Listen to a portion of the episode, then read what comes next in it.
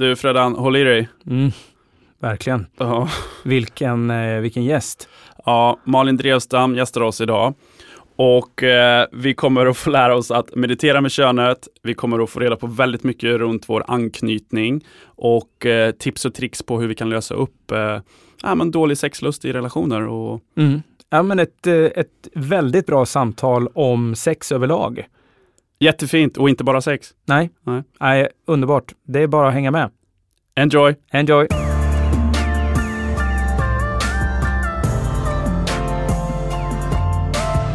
Sen när förälskelsen har lagt sig och vårt hormonsystem inte längre har den cocktailen utan det är liksom utmattat och utbränt. Vi måste äta, vi måste sova, vi måste vårda våra rela andra relationer, Ja. vi måste jobba. Mm. Då kommer vi ju egentligen in i det som är förutsättningar för vårt riktiga sexliv.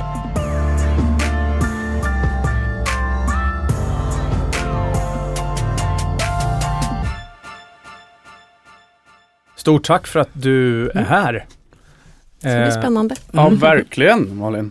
Tack och välkommen. Tack. Du är en busy woman. I am. Lucky me. Ja.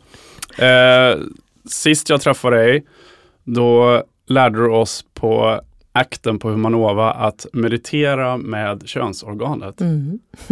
Eller meditera ner oss i könsorganet. Ja, just jag det. Ja. Har du gjort det Fredan? Utveckla? Nej, jag har faktiskt inte Jag gjort. kan guida er i det. Vi kan väl börja med en sån liten landning. Lätt. ni? Lätt. Det gör vi. Snyggt.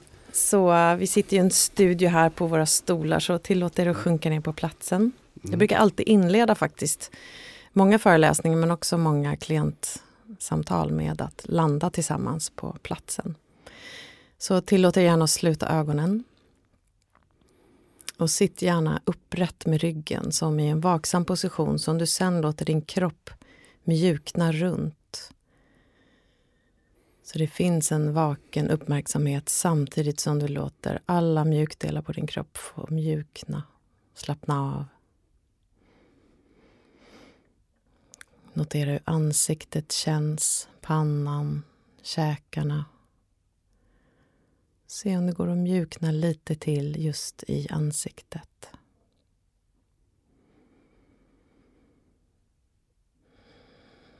Om möjligt andas in och ut genom näsan. Och notera hur dina axlar sjunker lite till.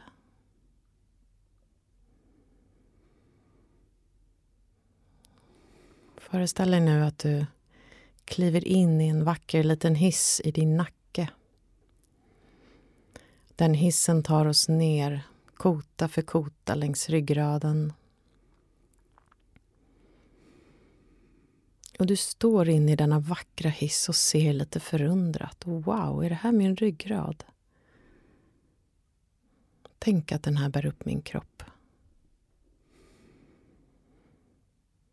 Och du ser för ditt inre hur du åker ner, kota för kota. Tills hissen till slut landar nere i din svanskota. Och nu öppnas hissen åt andra hållet. Och dörrarna öppnar upp mot en helt ny värld. Ett universum som du inte riktigt har sett förut. Marken du går ut på är din bäckenbotten. Denna plats flätad med muskler och senor som hjälper alla dina organ att finnas på plats. Och du kliver ut och ser ett universum av reaktioner, blinkningar, stjärnor. Wow, är det här mitt kön? Och om det är lite svårt för dig just nu, om du är ovan, så kanske du inte riktigt är i kontakt med ditt kön. Så låt oss ta kontakt. Och enklaste sättet är kanske att blinka lite med anus. Så se om du bara kan dutta lite, blinka lite för att ta kontakt med den bakre delen av ditt kön. Kanske säga hej, hej, här är jag. Och tillåt all fånighet, tillåt all awkwardness, tillåt allt att få vara som det är. Så ger vi oss ut på upptäcktsfärd. Så se nu om det är möjligt att blinka dig fram från anus längs perineum, det som också kallas för mellangården. Utrymmet som går från anus fram till roten på könet. I ert fall penisroten. Och hos en person med slida så är det slidöppningen eller vulvaöppningen. Så fortsätt att dutta lite framåt om det går. Är man väldigt ovan kan det vara svårt att spänna olika delar av bäckenbotten. Man kanske känner att allting är bara en stum plats. Så låt det vara så i sådana fall. Men ju mer man är van att ha uppmärksamheten på den här platsen, desto mer kan man styra vad som händer.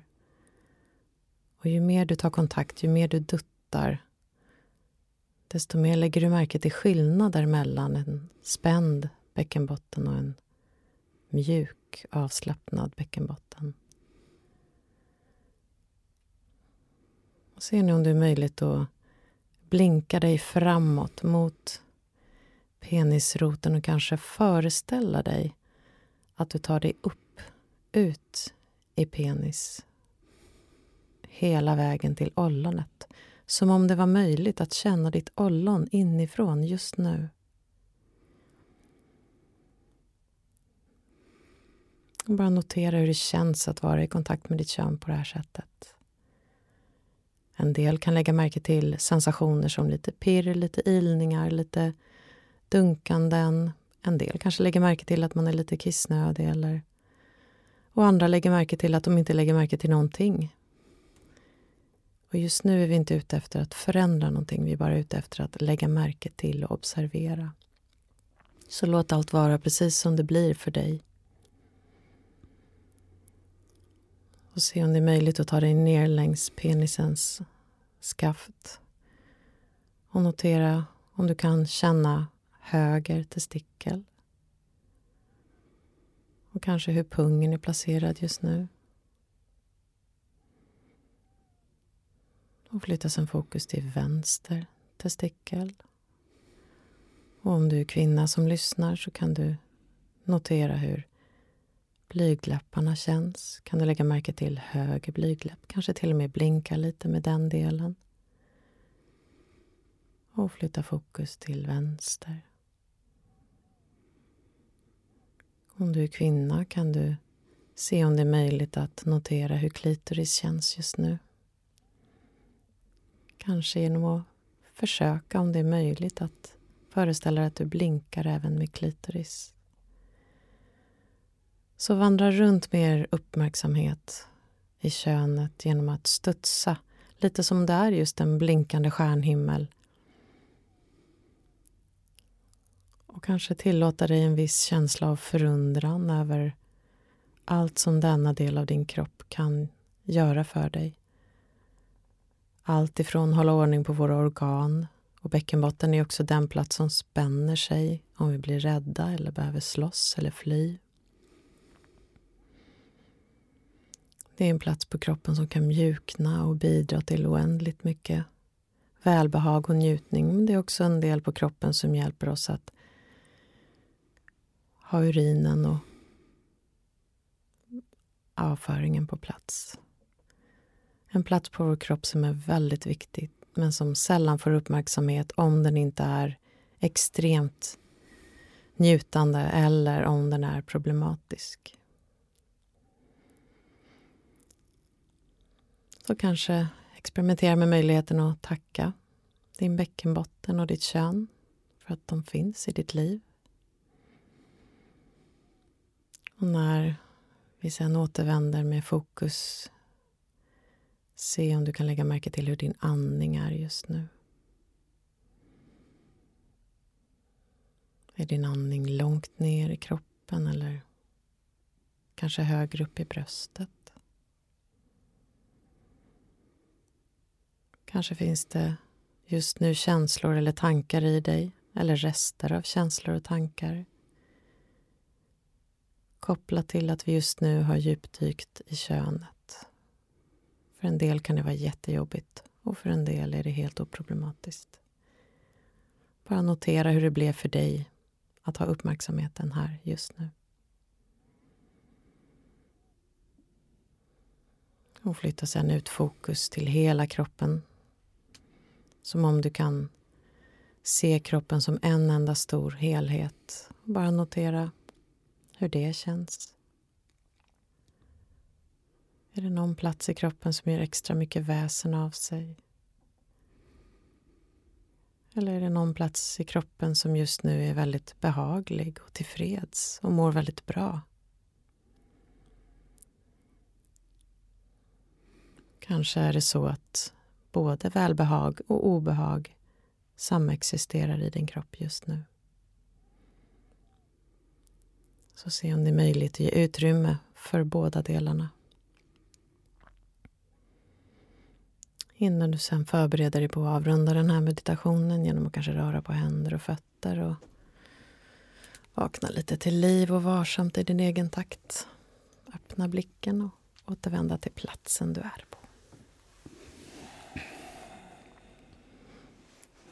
Kände du igen den Tommy? Mm. Den blir lite olika varje gång men här hamnade vi idag.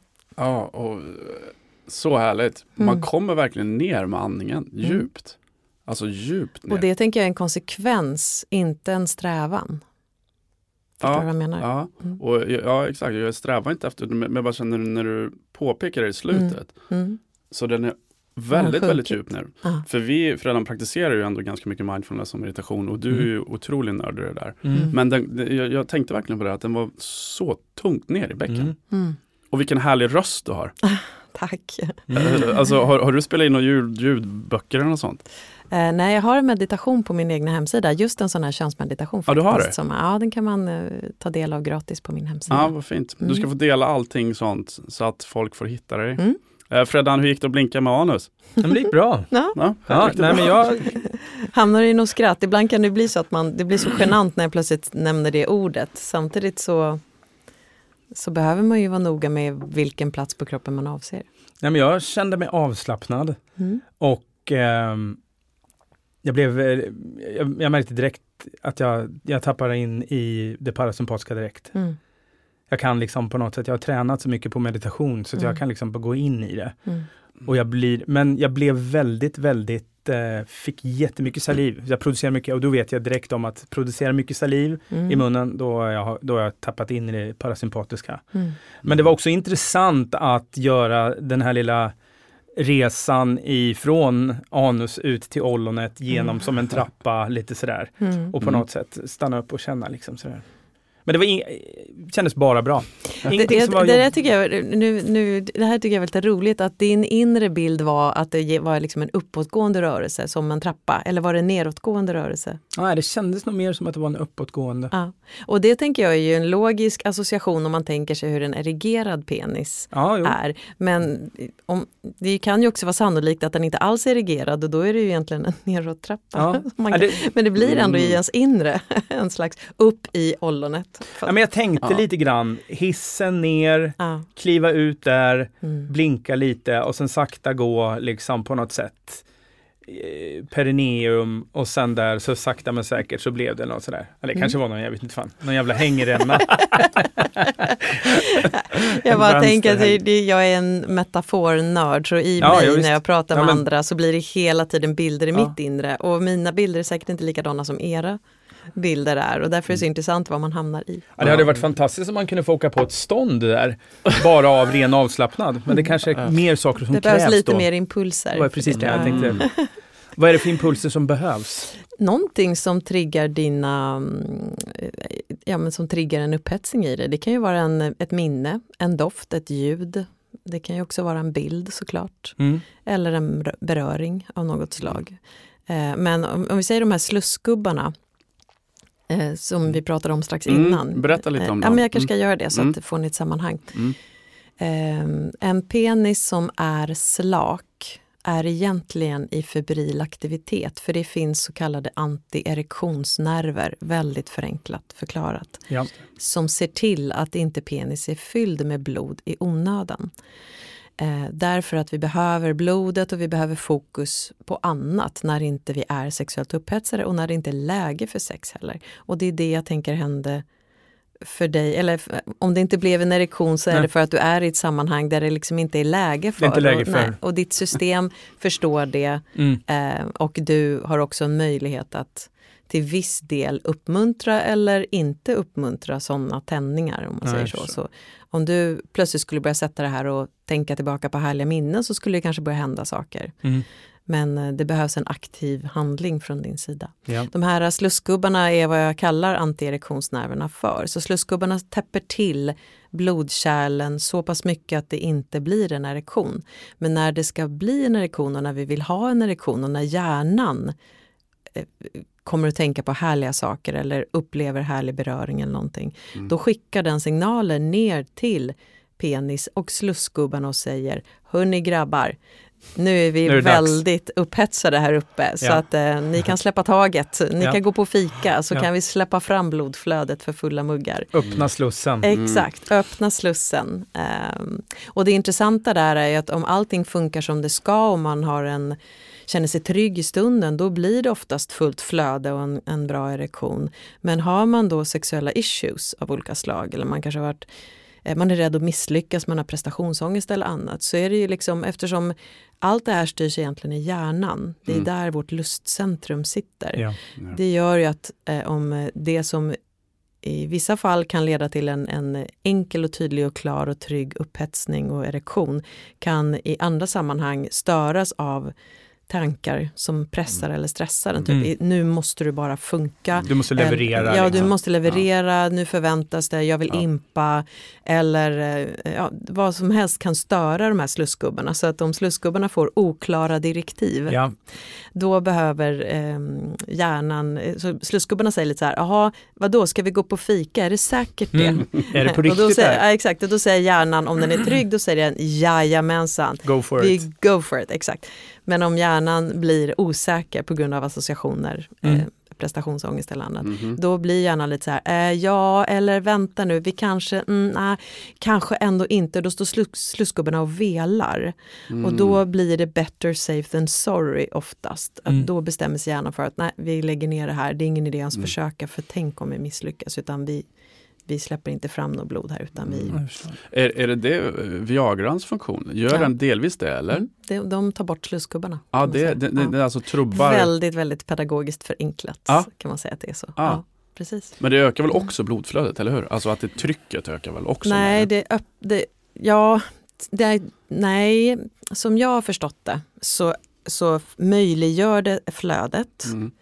Och sen hjälper det också till att täppa till utflödet och på så sätt öka trycket. Men det blir ju liksom, jo det blir lite starkare blodtryck för man kan ju också blossa i kinderna till exempel. Man Mm, kan precis, lätt få huvudvärk. Så det, så det gäller, Ja. Fast det gäller egentligen, eh, det ökar blodflödet i alla blodkärl Mm. egentligen. Så Viagra var ju egentligen en slump. Det var ju från början tänkt att vara en hjärtmedicin. Exakt. Mm. Som sen han, som fick bieffekt, erigerade patienter. Mm. Jag kommer faktiskt ihåg, jag har faktiskt testat Viagra vid ett tillfälle. Mm. Och jag kommer ihåg att jag varit så jäkla täppt i näsan Mm, och fick supertryck i ögonen. mm, Mm. Så jag var så här rödögd Ja. liksom. mm, mm. Så jag fick ett supertryck. Och det är ju också slemhinnor och det är ju Mm. också slemhinne, mycket slemhinnor som finns i Mm. våra Mm. kön. Mm. Mm. Har kvinnor också Mm. slussgubbar? Ja, absolut. Klitoris kan erigera jättemycket. Så det är samma Mm. funktion? Ja, det kan, det kan man säga. Det som man brukar kalla för den kvinnliga motsvarigheten till erektion är ju lubrikation. Och det är Mm. egentligen när könet sväller så mycket att det pressar ut vätska som Mm. blir till glidmedel. Mm. Ja. Men en erigerad eh, slida är ju, eh, den sväller för, dels för att kunna så att säga bli en slags krockkudde och dämpa impacten lite grann. Mm. eh, vid omslutande eller penetrerande sex. Men en, eh, en slida som är erigerad är också, en klitoris erigerar precis som penis, det är samma svällkroppar i klitoris. Mm. Men hela vaginan, alltså Mm. innerdelen av slidan, s- den blir längre och djupare vid en upphetsning. Så det händer många mer, många mer saker egentligen på en kvinna men det är inte lika tydligt Nej. som hos en Mm. man. Jag fick ju en liten, eh, liten förklaring här. Ni frågade ju mig hur en klitoris ser ut. Ja. Eh, och jag eh, beskrev ju en eh, 1,2 millimeter kanske. med en liten topp och lite hetta. Och så. Du hade ju väldigt bra, det, det du valde att beskriva var ju rätt ord. Du pratar om ett litet ollon, som ett ollon. Så Ja. och så, ja, ja. Kan man inte beskriva hur ser det ut? Ja, jag Alltså, gav ju dig bokstaven M, men eh, man kan säga att eh, vi kan lägga ut en bild kanske. Mm. På något sätt. För Mm. den, den är, det är som två stycken svällkroppar. Det är de inre benen i ett M kan man säga. Ja. Blir ett M? Nej, ett M kanske är lite fel. Det finns två stycken stora svällkroppar som löper runt slidöppningen kan man säga. Och utanför dem så är det två stycken skänklar, så det är egentligen fyra ben och sen finns det ett skaft ovanpå dessa fyra ben som strålar samman upp till. Okej. Och det är klitoris skaft och det avslutas i klitoris ollon. Och det är ollonet som gömmer sig bakom lilla klitoris hetta. Och det är det som många har trott i många, många decennier, århundraden. Att att det är det den, som är klitoris. den lilla knappen. Ja. Men klitoris är, är mellan 7 och 13 centimeter i storlek. Mm. Och den går liksom ut längs med låren kan man säga och har också nerver som går ut ifrån så att en klitoris kan liksom förgrena sig ner Mm. på insidan av låren och inåt och bakåt i slidan så att eh, klitoris blir även påverkad vid penetration eller omslutande sex fast liksom insidan av svällkropparna på klitoris. då. Så klitoris har liksom många delar varav den känsligaste delen är ollonet. Mm, mm, Den är mm. egentligen dubbelt så känslig kan man säga. det Det är är i alla fall dubbelt så många nervändar som en man har i sitt ollon eller en Mm, penis shit. har i sitt ollon. Är det också på grund av att den är utanför också? Just för att blir känslig på det sättet? Eller? Jag vet faktiskt inte. Alltså man vet inte så himla mycket om funktionen på klitoris och varför den är formad som den gör mer än att man tänker det är det enda organet i människokroppen oavsett vilket kön man har som bara är till för njutning. Det finns liksom ingen annan funktion. Det, det så? producerar Mm. ingenting eller så utan det Mm. enda, än så länge har man inte förstått Mm. i alla fall funktionen med det. Så att, Och ändå ganska stor då för njutningen, alltså så, om man sprider ut den. absolut. Sizen. Mycket större än vad man har trott i alla Ja, fall. exakt. Mm.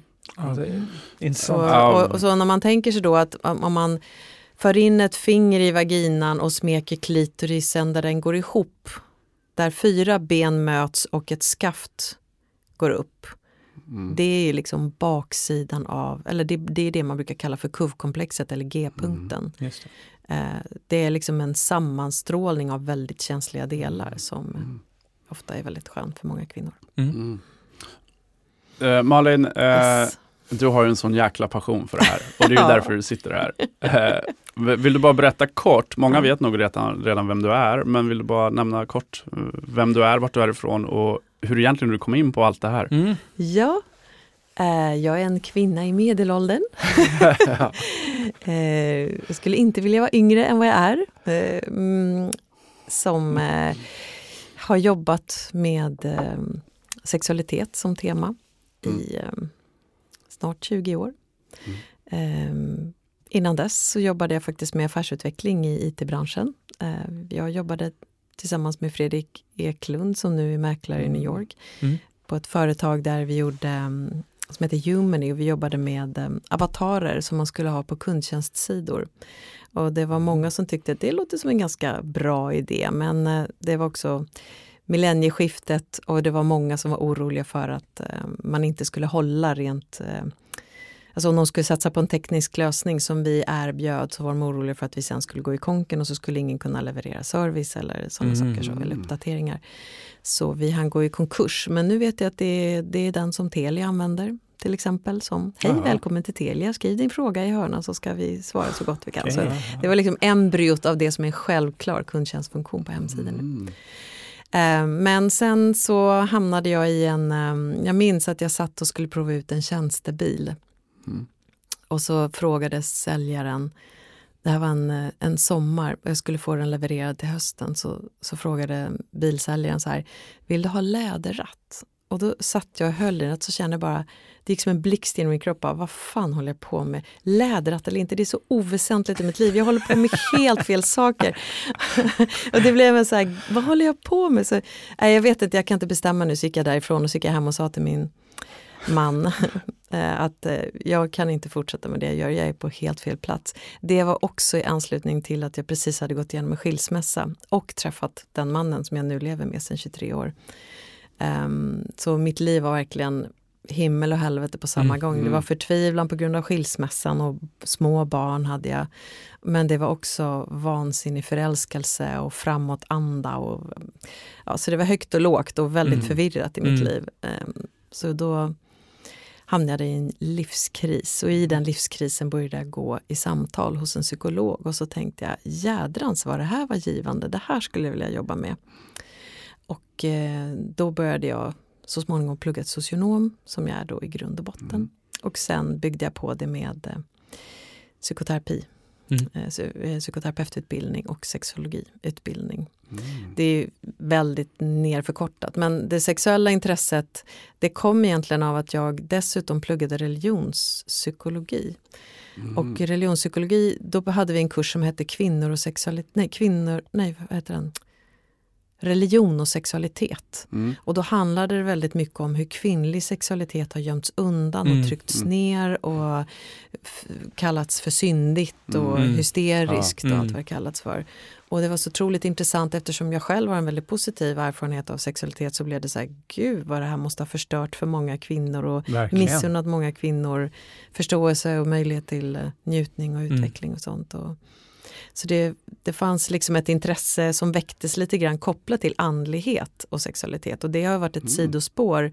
Så när jag jobbar i mitt yrke så är jag legitimerad psykoterapeut som fördjupat mig i att jobba med just sexuella problem. Det kan vara allt ifrån eh, min första bok som jag skrev heter Tidig utlösning eh, och den handlar om hur man förstår och behandlar tidig utlösning som för Mm. en penisbärare då, eller män. Mm. Ehm, och eh, den kom som en konsekvens av att jag hade jobbat med många män och som hade jag jobbade då på sex och samlevnadsmottagningen på Danderyds sjukhus som kurator.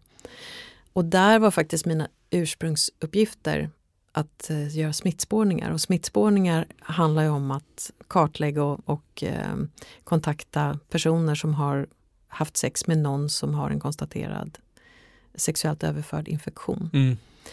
Eh, Nu vet nästan alla vad smittspårning är för att de är covidvana med Mm, smittspårningar. mm. Så, men, så jag har pratat med oändligt många hundra människor om eh, hur de har haft sex, med vilka de har haft sex och på vilket sätt de har haft sex. Mm. Mm. Och då upptäcker man ju en del människor med så här, "Ja, men jag är jättenöjd med mitt sexliv och jag träffar alltid trevliga partners och i de bästa fallen så njuter jag supermycket. Um, ibland glömmer vi bort att ha kondom eller den går sönder och då råkade jag bli smittad och så är det inget konstigare än så. Så jag har haft många samtal med personer som är nöjda med och tycker att de har ett tillfredsställande och fungerande sexliv. Mm. Men jag har ju också träffat många människor som mått väldigt dåligt i sina sexliv. Mm. Och det har framkommit i de här smittspårningssamtalen. Både personer som inte vågat säga nej, Nej, som inte vågar Mm. be om kondom, som inte vågat säga nej till sex överhuvudtaget, som faktiskt verkligen har varit med om en våldtäkt och blivit smittad i samband med det. Ja. Ja, så är det otroligt mycket tragiska och sorgliga berättelser om hur sex kan vara för vissa människor. Men Mm. också personer som eh, där allting har varit frivilligt och ömsesidigt men det har inte funkat. För man har inte fått erektion eller man kan inte få orgasm eller man har ont vid sex eller man får tidig utlösning. eller Så. Mm. så det blev liksom, liksom ledde ofta till fördjupande samtal eh, för att vid smittspårning så är det ju egentligen statens intresse i att förhindra smitta som, som betalar och är uppdraget om man säger så. Men om en person som har problem med erektionen aldrig använder kondom för kondomen är ytterligare en krånglig faktor. Då behöver man ju också prata om erektionsproblemen Ja. så att personen så småningom kommer kunna använda Ja. kondom. Hänger ni Mm. med på? Ja, exakt. Så det har blivit många fördjupande samtal som sen Såklart, och därför, Mm. där har du också kommit i samtalen och förstått att ja, men jag behöver kanske mer verktyg. Här ligger något annat bakom. Ja, och att du, liksom också förstår att det ligger en annan dimension bakom. Ja, och att förstå ett sexuellt problem oavsett om det är funktion eller relation. För man Mm. kan ju vara två välfungerande... religion. Mm. precis. Men man kan vara två välfungerande, eller fler för den delen, i en relation och ändå så blir sexlivet en infekterad del för att man Mm. har olika mycket lust eller man har Mm. olika preferenser eller man har ingen vidare tillit till den andra Mm. eller man eh, eh, har tappat attraktion. Alltså det finns Mm. tusen saker som egentligen inte har med funktionen att göra som Mm. ändå stökar till det i sexlivet. Mm. Så det, det är otroligt komplext. Mm, men det mm. gör det ju också på sätt och vis eh, om man förstår hur komplext det kan vara då kan man också laborera på många arenor och plötsligt kan ett sexliv bli mycket bättre. Sömn kan vara en faktor som, Mm. Mm. knep, som gör sexlivet knepigt. Mm. Och det är ju skönt att kunna veta att jag kan jobba, på sömnen så kommer jag funka bättre sexuellt. Mm. Jag har en, en liten grej här som jag eh, uppmärksammade. Ja. Vi har haft eh, andra gäster som berättar lite grann var de kommer ifrån och vad de har gjort och sen så hamnar de i en slags av livskris. Och så, så tar livet en helt Mm. ny Mm. riktning. Mm. Och vi har varit med om det, Ja, nästan, eh, nästan alla åtta, som pratar- åtta av tio har, har det. men nämner verkligen liksom så här att ja, jag stod där och det var liksom livet var upp och ner. Och så, så bara, och så hittar man någonting och så, så verkligen är det det som flyger. Mm. Och det jag blir så glad över att höra just Mm. att det blev inte den där jävla läderratten och att du, att du faktiskt hittar någonting annat. Det blir en annan läderratt. Ja, exakt. Nej men jättefint. Ja, men det är, jag är jätteglad för den krisen. Den gav verkligen möjligheter. Just då kastades jag ju mellan högt och lågt och var Mm. väldigt förvirrad. Men eh, nu så här i retrospektiv så är jag ju oerhört glad. Den har Mm. verkligen styrt in mig på en, en bana som jag älskar att jobba med. Och Mm. göra och som också känns 100% autentisk i mig. Oavsett om jag är privatperson eller professionell så är det viktigt. Och det är ju Eh, För det var det jag skulle komma till parallellt med min, min så att säga, sexologiska, mina sexologiska kunskaper och utbildningar och eh, mina psykoterapeutiska utbildningar så har jag haft ett parallellt intresse som handlat om yoga, meditation Mm. och tantra. Mm. Mm. Och det är ju så att säga, det gifter sig väldigt fint med varandra men det ger, apropå religion som en dimension av, Mm. och nu är inte tantra en religion, det är mer en filosofisk livsåskådning kan man nästan Mm. säga, där sex Mm. är en del. Mm. Men eh, det, det finns många, ja, den om, sexualitet omfattar så otroligt Ja. många områden. Mm. Skulle, skulle du kalla det att det är den andliga delen som du nämnde eller? Eller är det Ja, ytterligare en? Det hur, hur är, kopplar du in den? den, menar du den, den andliga delen i mitt egna liv? Eller menar du, Nej, men det, hur du, kopplar in det lite Mm. nämnde du där va? Att du kopplar in andligheten Ja, men andligheten, alltså, det blir ju väldigt existentiellt. Till exempel frågan, om jag kastar ut den till er, varför har vi sex? Mm. Ett, njutning Mm. ehm, och att det skapar en, ehm, skapar en härlig känsla. En samhörighet med Mm. Ja, och fort, fort, eh, eller vad heter det? Fortplantning heter Mm. det. Ja, alltså grundat, alltså så är det rent, men alltså om jag, ja, personligen så känns det mer Mm. just av att jag vet att jag får asbra oxytocinpåslag, serotonin, endorfiner som händer Mm. i kroppen. Och att man skapar ju också ett något starkt tillsammans med den man har sex med. Verkligen, Mm. och om vi nu säger att fortplantning är liksom evolutionens syfte med sex. Mm. Men vi behöver inte ha sex för fortplantningen längre. Det kan man sköta på väldigt många andra sätt. Så vi människor har inte sex för fortplantning i främsta fall. Nej. Nej. Vi har oändligt mycket fler tillfällen som vi har sex än vad vi både kan och vill bli gravida. Mm. Mm. Så det handlar ju väldigt mycket om njutningen, det handlar Mm. väldigt mycket om samhörigheten. Men man kan också ha sex Alltså, det finns studier gjorda på mm, att kartlägga sexuella motiv, människors sexuella motiv. Varför Mm. har du sex? Och man har hittat 237 Det finns några stycken. Ja men det kan vara allt ifrån för att man borde, Mm. för att det Mm. förväntas, för att jag vill bli av med, eller för att jag vill sexdebutera.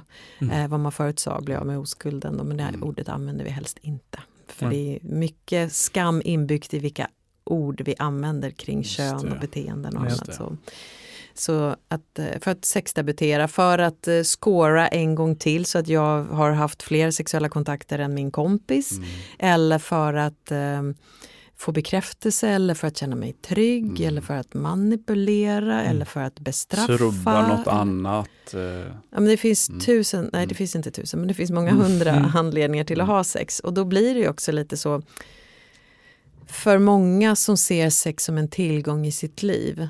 Så jag fick en gång en, en, en aha-upplevelse. Hur vet jag att det jag gör är meningsfullt? Vad skulle ni svara på det? Hur förstår jag? Mm, det jag håller på med just nu känns väldigt meningsfullt. Mm. Men vad är det som känns då? Det är ju något annat. Det är ju någonting annat som känns. Det är ju, det är ju En kropp, hur känns din kropp när du gör något meningsfullt Tommy? den, eh, jag nämnde det här till dig förra veckan, Freddan. Mm. Eh, och då var det ett exempel Det går ju inte att sätta ord på det. Men det, det ett form av, jag är på rätt plats. Jag, jag, jag, jag gör rätt sak, jag är på rätt plats. Jag är på, um, om det så är flow eller energi eller bara ett lugn kanske. Lugn, ja. Ett, ett, ett form av uh, Det är ett välbehag på något sätt. stadien på något sätt. Fast vaket. Mm. Och för det är väldigt ofta försöker jag ta ner sig, och hur känns det i kroppen? Lugn, det kan man ju verkligen förstå hur det känns i kroppen. Men andra uttryck som meningsfullhet har är ofta att man känner sig glad eller tillfreds och också uppfylld Mm. på något sätt. Exakt, uppfylld är ju sjukt Mm. bra ja. Ja. Så glädje och att känna sig uppfylld Mm. är någonting som signalerar nu gör du någonting som är viktigt för dig, nu gör du någonting som känns meningsfullt för dig. Och det kan ju vara olika för olika människor. Men sex är en form av meningsskapande. Mm. Så när, när det inte är fortplantning då handlar det om att fylla livet med någonting som känns meningsfullt. Mm. Och det är ju en väldigt existentiell Mm. sak. Om man frågar människor som är nöjda med sina sexliv, eh, vad får du ut av sexet? Och under förutsättning att det är eh, ömsesidigt och samtycke och man känner sig trygg och så, om förutsättningarna är goda, då beskriver människor känslor som förundran, Mm. beundran, tacksamhet, eh, glädje, ömsesidighet, njutning, samhörighet. Alltså extremt existentiella. Mm. Mm. Sårbarhet Kvaliteter. kanske. Ja. Så, det, och det, så det är verkligen någonting som är existentiellt. Att ha Mm. sex som vi mår bra av är väldigt existentiellt. Och då kan man ju också förstå varför det för många människor blir så dramatiskt när inte sex funkar. Nej, verkligen. Mm. Men det är ju människor som vill att sex ska vara en väg till meningsfullhet, även om de inte har formulerat det i de orden själva. Men sen finns det också många människor som känner, nej men jag kan uppleva tacksamhet, förundran, glädje, samhörighet när jag gör yoga. Jag kan uppleva det när jag spelar fotboll. Eller- Alltså det finns ju många andra vägar till Mm. meningsfullt. Mm. Och man får ju också ha en förståelse och respekt för människor som väljer de vägarna och kanske inte ser sex som den delen i ens liv. Att det finns ju många som inte tycker att sex är den värdefullaste eller viktigaste vägen till meningsfullhet. Så, Mm. Men det man ska veta också att sex har ju en otrolig stark dragningskraft. Och om man, som man brukar säga, man ska ju bruka sex, inte missbruka sex. jag tänker att man ska uppleva sex. Eller uppleva sex. Bruket är lätt som du skulle in, in till gruvan och Ska, sätta- ska vi göra sex eller uppleva sex? Ja, men om vi säger att vi upplever sexet Ja. Ja. och eh, det är också samtidigt så här att när vet man då, beroende på vem det är man träffar, antingen så träffar man flera och så får man en kick av att man träffar flera hela tiden. Alltså så att man, Mm. Mm. men också vet man ju också att det är ju därför det finns någonting som heter sexmissbruk eller alltså vilka missbrukare liksom. Mm. Och att det är väldigt starkt. Mm. Och eh, Mm. Potent verkligen. Ja, Mm. och att det är verkligen, eh, man, man, så man kan hamna verkligen på helt fel sida istället.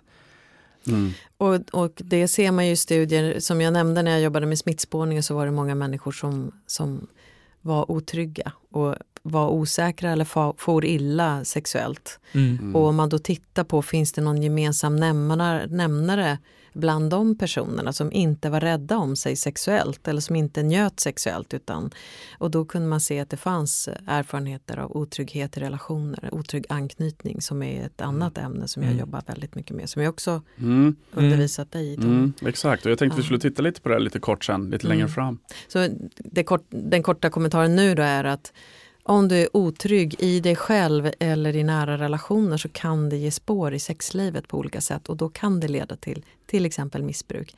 Mm. Så att man kan använda sex som ett sätt att självmedicinera till exempel. Att, Exakt. att lindra ångest och då kan det så småningom bli Man hittar det som en ett- copingstrategi att man exakt, använder. Ja. som sen slår över och blir ett beroende. Mm. Mm.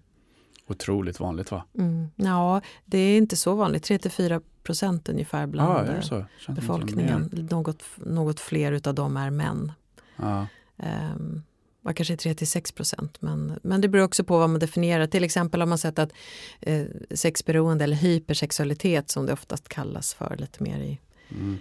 i den kliniska världen. Mm. Där, eh, då finns det ju kvinnor men de har oftast mer samsjuklighet med annan typ av psykisk ohälsa. Mm. Att det, så att säga, då hamnar sexberoendet under eller längre ner så att man ser mer de, den psykiska ohälsan i form av ångest eller depression eller vad det kan handla om eller tvång eller så. Mm.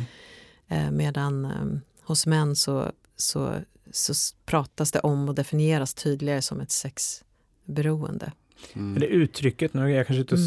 på hal is, men nymfoman eller alltså när man, eller? Mm, ja, nymfoman, det har jag aldrig använt i mitt yrkesliv och inte heller under min utbildning utan det är Nej. nog mer någon slags skönlitterär beskrivning Okej. av ett sexuellt starkt utlevande. Okej, mm.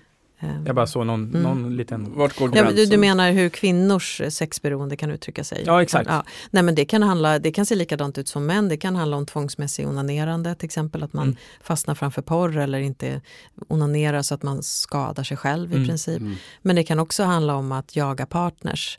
Och ibland är jakten det som, som är, är, skapar beroendet. tigern, ja. Ja. Mm. Och ibland är det mm, den fysiska kicken som sexet ger. Men i väldigt många fall så kan det också handla om ett mer kärleksberoende där man är ute efter närheten, bekräftelsen och någon slags trygghet. Mm. Så betalar man det med sex. Så här, får jag vara dig nära? Mm. Okej, du vill ha sexutbyte, då får du det. Så att personen i sig får inte ut särskilt mycket av sexet. Men den får det som sexet kan Mm. leda till. Just det, och det som kanske saknas eller det som kan vara, liksom, behöver läkas någonstans. Precis, och det som leder till oxytocinet egentligen. Mm. Kan säga. Mm. Vill, vill du toucha lite på anknytningsmodellerna när vi ändå är inne på det? För att det, det, Mm. det sitter ihop väldigt mycket med det du säger. Ja, jag har ju faktiskt eh, skrivit fler böcker varav en bok heter Lust och olust Mm. om sex, närhet och anknytning och i den beskriver jag dels allmänt om hur sex hur sex funkar, framförallt hur lust fungerar men också hur sexuella erfarenheter kan forma oss som individer. Allt ifrån vi lekte doktor och min dagisfröken kom på mig och jag skammades för det till Mm. sen såg jag en blottare i mellanstadiet och det skrämde mig och sen hade jag en jättespännande hångelstund eh, men alla klasskompisar såg det. Och det alltså det finns många saker som formar vår sexuella utveckling. Ehm, Men eh, anknytningen är en av de aspekterna. Så att eh, om vi har erfarenheter av att eh, våra anknytningspersoner, ofta är det våra föräldrar men det kan också vara familjehem eller en farmor eller farfar, i vissa fall äldre syskon. Det är inte optimalt men det händer att man, det vill säga när jag är väldigt, väldigt liten, när jag är Mm. spädbarn upp till, upp till ett och ett halvt till tre års ålder, man pratar om lite olika faser. Men ehm, om jag får uttrycka mina känslomässiga behov och någon finns där och hjälper mig ta hand om dem och tolka dem. Oj, är du ledsen lille vän? Oj, nu verkar du hungrig lille vän. Nu är du arg. Mm. Så kommer jag lära mig att förstå mig själv och jag kommer också förstå att mitt känslomässiga mående är okej. Mm. Ja. Men i många sammanhang så, så bekräftas inte känslorna utan barnen lämnas ensamma i det. De kanske har föräldrar eh, som är supernärvarande när det handlar om att gå på föräldramöten och skjutsa till fotboll och se till att man har rena kläder och äter klockan sex. Men den känslomässiga närvaron och uppmärksamheten, de ser inte en darrande underläpp. De har inte märkt Nej. att du har varit ovanligt tyst. De, har inte, de märker inte ens att du är extremt stolt för att du har gjort en fin teckning eller vunnit någon tävling. Utan du passerar rätt obemärkt, dina, dina känslomässiga mående passerar Ja. rätt obemärkt förbi. Då kommer du känna dig känslomässigt obekräftad och eh, ibland kan det också vara kopplat till olika typer av känslor. Så i en del familjer så kanske du bara blir bekräftad om du är glad.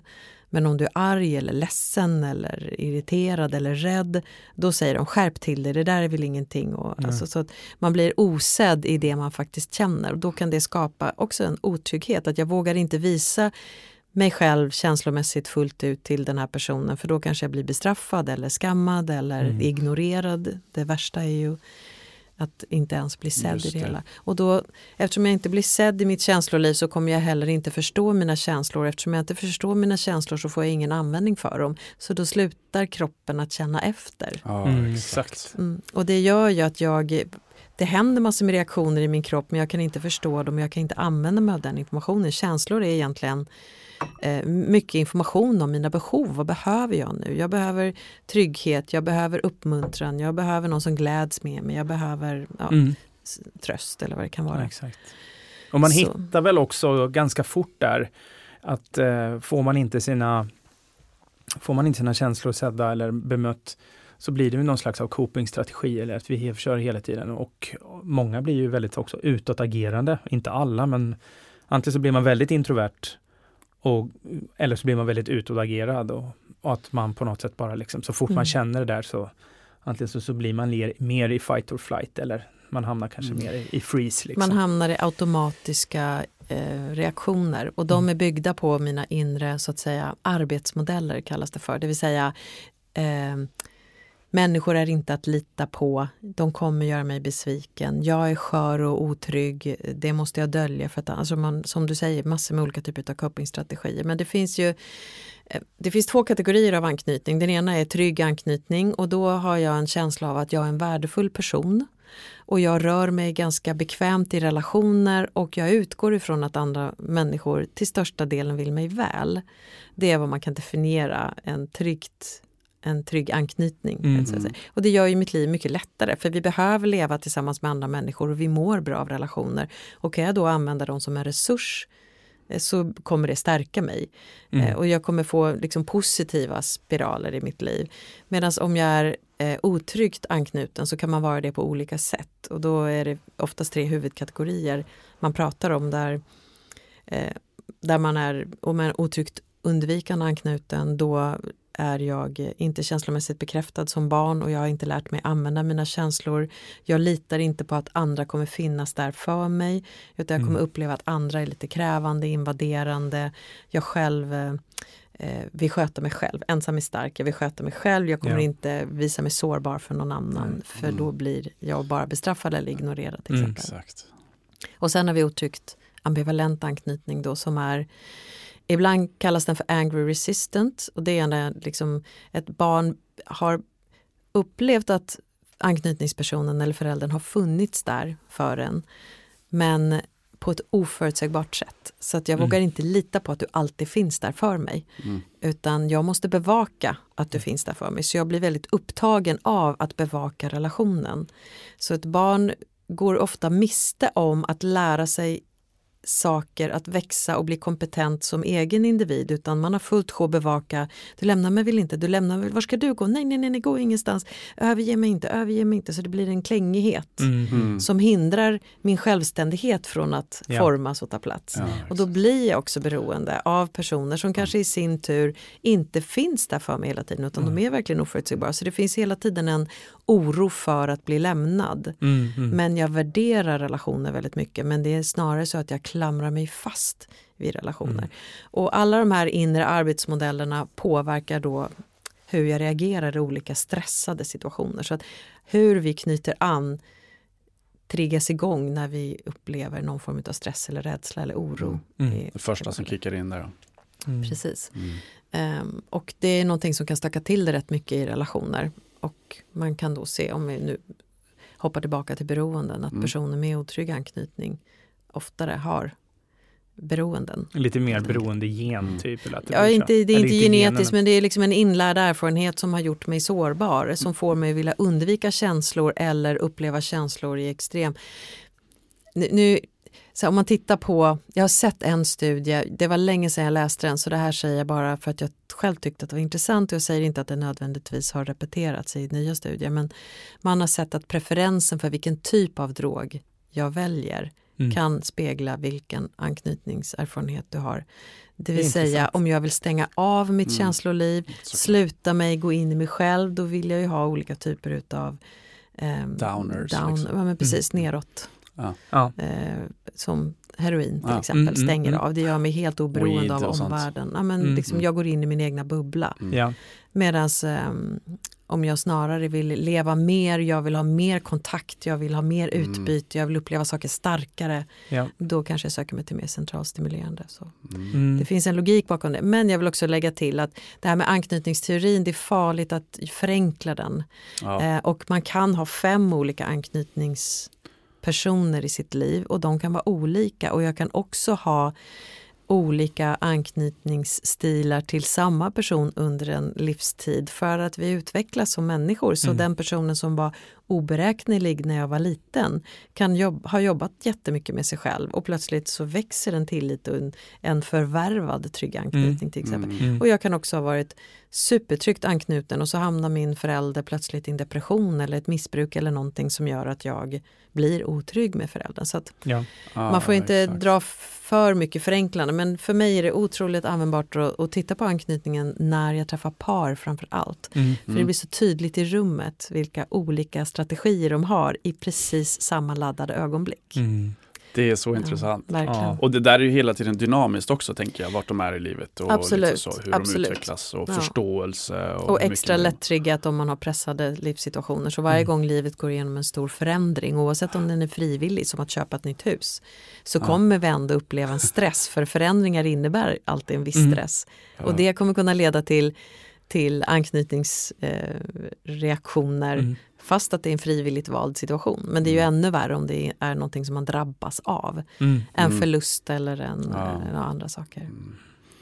Och där kommer vi också in även i sexlivet. Att det är dynamiskt. Den ena kanske är mer sugen och den andra är mindre. Och att det är, Och ibland är det så, om man tänker sig två tryggt anknutna personer eh, kan ju ha, vara olika sugna beroende på om de är trötta, stressade eller missnöjda med sin kropp eller nöjda med sin kropp eller så. Mm. Sjuka, friska. Eh, men det kan också finnas ytterligheter där man ser att en otryggt ambivalent anknuten person ofta blir mer, alltså kan använda sig av sex som en strategi för att få bekräftelse eller trygghet eller närhet. Så att den kan upplevas som tjatsex, alltså kräva Mm. mer sex helt enkelt, Mm. som en anknytningsstrategi. Hjälp, jag känner mig rädd och otrygg, vi måste ha sex. Ja. Mm. Medan eh, personer som är mer otryggt undvikande, antingen så ser de inte poängen med sex för att de har liksom inte njutit så mycket av nära relationer och inte utforskat sex så mycket. Eller så blir sex mer en distraherande fysisk aktivitet, Mm. inte någonting som bygger relationen. Nej. Mm. Utan det är någonting som releasar någonting i mig så att jag för stunden mår lite bättre. Det är lite som Mm. knark. Ja men lite så, Ja. precis. Och det kan ju bli lite olyckligt om det är två otrygga som faller för varandra och den ena har sex som klängighet och den andra har det som en teknisk, alltså Ja. motiven Mm. till sexen blir helt olika. Mm. Och det är lätt att missförstå varandra eh, i de här eh, motiven. Jag har faktiskt skrivit, hur får man då, eller skapar ett hälsosamt sexliv? Är det kommunikation eller hur? Vad, ja, vad är dina? eh, ehm, och vi, kan, vi kan börja i en annan ände. Vad Mm. påverkar en sexuell upplevelse Mm. till exempel? Mm. Och det är ju allt ifrån livsstil och hälsa Mm. sjukdomar och skador. Eh, men också mina tidigare erfarenheter av sex, alltså hur, hur eh, jag introduceras till sex. Och då kan man gå hela vägen ner till, är jag uppvuxen i en sexpositiv eller sexnegativ miljö? Har mina föräldrar andats sex är någonting bra? Eller sex är någonting fult, fel och farligt? Mm. Eh, det har ju betydelse. Men också eh, allt ifrån politik, juridik, religion, vad, vilken slags sex får jag ha? Mm. Mm. Konsumtion av porr. Konsumtion av porr, absolut. Och också eh, ja, precis, både hur mycket tid jag lägger ner på det och låter det forma mig, men också vilken typ av porr som är okej och inte. Mm. Ehm, och också vad jag tänker om att jag tittar på porr och tänder på porr till exempel. Det kan ju vara jättemycket inre konflikter. Min kropp går igång på det jag ser. Mm. Men jag vill inte vara en person som går igång på det jag ser för jag har ett ställningstagande som säger porr är fel till exempel. Mm. Det är Mm. inte sällan det händer hos kvinnor. Kvinnor blir också påverkade av att se människor njuta av sex som i en porrfilm. Sen beror det ju på hur skickligt den är gjord och så. Men, Mm. Men, eh, men många kvinnor vill inte att de ska reagera på det så därför så trycker de ner uppmärksamheten på att det händer saker och ting i den.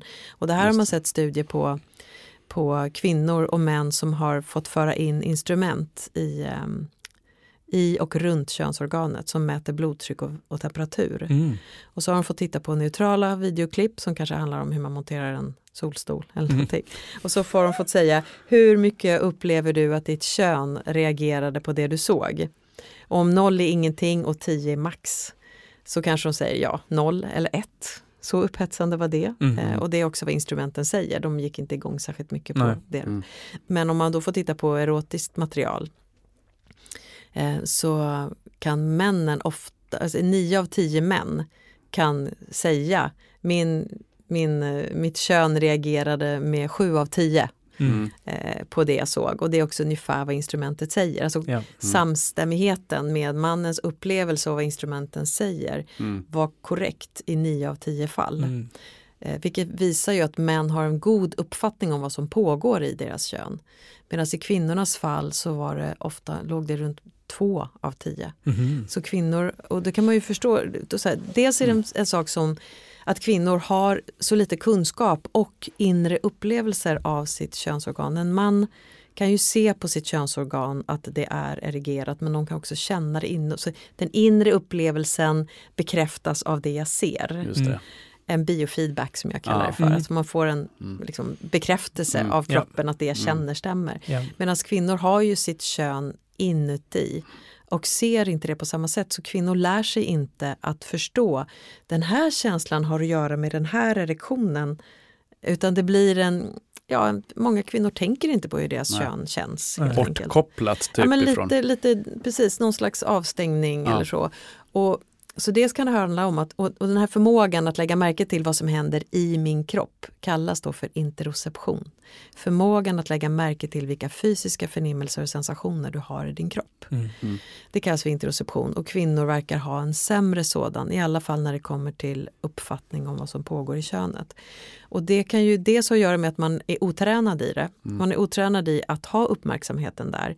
Men det kan också handla om som de kvinnor som kanske, där kön, det vill säga de här instrumenten reagerade starkt på det kvinnan tittade på. Men kvinnan rapporterar inte att könet reagerade starkt. Nej. Hänger ni med? Mm, ja. Och hur förstår man då det? Det är antingen att kvinnan inte lägger märke till att det händer någonting helt enkelt. Så hon har inte märkt bultanden, pirranden, ilanden eller hur det nu kan kännas i hennes kropp. Det kan också vara, jag märker att någonting händer men jag vill inte vara en sån nej, det, som reagerar på det här jag ser. Så att man trycker ner det och stänger ner det. Och, och en tredje tolkning är ju, jag, vill, jag märker vad som händer ehm, men jag vill inte berätta det för dig. Att jag märker vad som händer. Så att det är liksom, jag skäms inför mig själv eller jag skäms inför någon annan. Mm. Eller så lägger jag inte ens märke till det. Så det är liksom ganska många hinder Ja, för, att en lager. kvinna ska, ja, Mm. för att en kvinna ska fullt ut kunna bejaka och njuta Ja, och lite skam, skamlagt Verkligen. och såklart det där för också. många, för Mm. många är det det, precis. Och det finns många, många hundra år av nedtryckt sexualitet som Mm. gjort att kvinnor inte har tagit sig det, förstått Mm. det. Och, och det. och har ni också tänkt på en sak, nu vet inte jag riktigt hur det är i mäns slutna sammanhang, men att eh, prata om sexuella problem i alla fall i många kvinnosammanhang mycket vanligare. mm, Jag har ingen sexlust, det funkar inte för mig, åh vad vi är osynk eh, eller vad det nu kan handla om. Medan det är sällan kvinnor sitter och delar med varandra Gud vad jag njuter av mitt sexliv, det är helt Mm. fantastiskt. Jag älskar bla bla bla och det funkar så bra för mig när jag ditten Mm. och datten. Så Mm. vi lär oss heller inte särskilt mycket av varandra för det är skämmigt att prata om Mm. njutning för det har aldrig varit tillåtet i det offentliga rummet. Liksom. Så um, ja, det finns ganska många hinder för en kvinna att fullt ut bejaka Mm. sexualiteten. Och det är verkligen inte helt lätt för män heller. Men min, lite mer accepterat får man säga att det är. Ja. Eh, Vad ser du så här som största liksom, svårigheten i relationer? För du jobbar ju mycket med par. Mm. Vad, vad liksom, för jag tänker lite när det går två, tre år, man är liksom så här, ah, man har varit tillsammans, man har testat lite allt möjligt och sen så börjar på kanske dö ut lite Mm. eller så här. Eh, finns det någon mönster i det där? Finns det, vad, vad ska man göra? Vad, vad, liksom, vad, jag, eh, vilka, vilka relationer funkar? Vilka har det bra? Liksom, så där? det finns många ingångar i det men det är fram, framförallt två som jag tänker på. Den ena, eller vi börjar med att eh, om det är ett heterosexuellt par Mm. så är det ofta så att, eh, nu pratar jag om män generellt, Mm. att män har ju tack vare den här biofeedbacken vi pratar om, har lärt sig att ha en relation till sitt kön. Oj, nu är den glad. Ja. Oj, nu verkar den inte så pigg. Eh, oj, nu funkar det inte. Eller så. Värst vad jag var kåt då. Alltså Mm. lite så. Och det gör ju också att man eh, eh, så här, jag som liten kanske ser en erektion och tänker oj det här var spännande så tar jag på erektionen och det väcker associationer. När jag kommer in i puberteten är de associationerna sexuella. Eh, så jag tar på mig, det känns skönt och det får mig att tänka på sexuella saker. Jag lägger märke till bilder, jag triggas av det. vad det nu kan vara, Mm. beröringar eller Mm. vad som helst. Ehm, Så att det finns liksom ett levande maskineri som är sexuellt färgat hos killar redan från tidig ålder. Mm. Eh, om inte det har blivit skammat eller traumatiserat eller så. Men om vi säger att en, en, eh, en kille eller man som har haft en någorlunda gynnsam utveckling kommer ha odlat en inre tankegång på sex. Alltså män tänker mer på sex, det är så och jag tror att det är, Är det, det som är förklaringen. Ja, men det är, det är inte, män har inte högre sexdrift biologiskt men de Nej. tänker mer på sex och det gör att man är mer lättänd. Mm. Förstår ni vad jag Ja, menar? men- ja. Och eftersom kvinnor inte ständigt blir påminda om sina kön, för de har oftast inte ens tränat sig att lägga märke till det, så är, har inte de lika mycket upptagenhet. Men kvinnor som rapporterar att de tänker lika mycket på sex som män har lika hög sexlust. Mm. Hängde ni med? Ja, jag, så, att, så det finns liksom en, en inlärningshistoria Ja. som är olika, som handlar om hur uppmärksamma vi är och hur mycket vi odlar vårt tänk på sex. mm. Vilket kan uppfattas som att du tänker bara på sex. Och för många män är det, ja jag tycker det är härligt att tänka på sex. Det blir nästan som en vana eller en hobby. Mm. Som inte Mm. odlas på samma sätt hos många kvinnor. Mm. Och då uppstår det när förälskelsehormonerna lagt sig. Och då vill jag lägga till att det här med när vi inleder en relation. Då består ju väldigt mycket av vår tid att tänka på när ska vi ses, vad ska vi göra när vi Mm. ses, vad ska vi äta när vi ses, man vad ska vi ha på oss. Liksom. Ja, men och man, är, man, man liksom bara, det är enkelt att tänka på den andra hela tiden vilket blir ett självgenererande system. Eftersom jag har det i huvudet och tankarna hela tiden Ja. så är lusten nära till hands. Mm. Och du är spännande och jag vill utforska dig. Men sen när förälskelsen har lagt sig Ja. och vårt hormonsystem inte längre har den cocktailen utan det är liksom utmattat och utbränt. Vi måste äta, vi måste sova, vi måste vårda våra rela andra relationer, Ja. vi måste jobba. Mm. Då kommer vi ju egentligen in i det som är förutsättningar för vårt riktiga sexliv. Mm. För det första är någon slags psykossexliv. Ja. Härligt, härligt om man får vara med om det. Men det är också menat att vi ska ha eh, den, den hormoncocktailen är till för att vi också ska våga närma oss och våga släppa in en annan människa i våra liv. Att Mm. bli intima med varandra. Ah. En kyss handlar ju om att byta ut bakterier för att vänja våra immunförsvar vid varandras bakterier Mm. också. Så det finns ju liksom många funktioner med att eh, vara nära varandra i början och sen när våra immunförsvar bara känner varandra utan och innan så behöver man inte ha så mycket öppna öppna barriärer Nej. hormonmässigt utan Nej. vi behöver funka på alla andra plan i livet också. Mm. Och det gör att vi eh, tänker mindre på sex. Mm. Och om vi då tänker mindre på sex så kommer lusten inte komma lika spontant som vi trodde och då börjar vi tro det är fel på min sexlust. I själva verket är det normaliserad.